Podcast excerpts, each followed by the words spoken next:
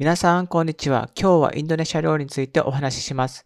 今日のテーマはズバリ、ナシラウォンです。ナシとはご飯のことで、ラウォンはインドネシアの東側に伝わる料理で、牛肉のスープとご飯を混ぜて食べます。特徴はスープが黒いことです。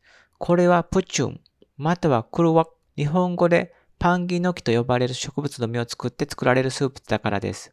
また牛肉を使ったインドネシア料理ではパダン料理のレンダンが有名ですが、このナシラオンの牛肉は濃厚なスパイスのスープ、そしてご飯を合わせて食べます。味は最高に美味しくとっても美味しかったです。皆さんもぜひともお試しください。